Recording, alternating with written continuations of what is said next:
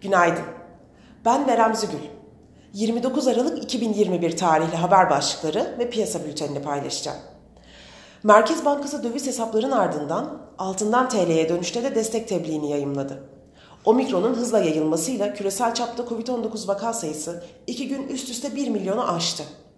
Bitcoin teknik seviyeyi aşağı yönlü kırdı. ABD'ye göre İran görüşmeleri çok yavaş ilerliyor. Hisse senetleri endekslerinde düşük hacimli satışlar gözleniyor.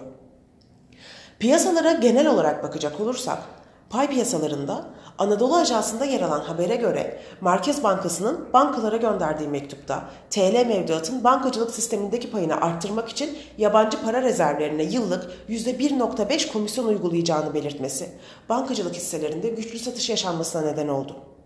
Merkez Bankası'nın bu düzenlemesi istisnaların yakalanamaması durumunda bankaların 2021 vergi öncesi karlarına ortalama %7.7'ye kadar negatif etki yapabileceğini hesaplıyoruz.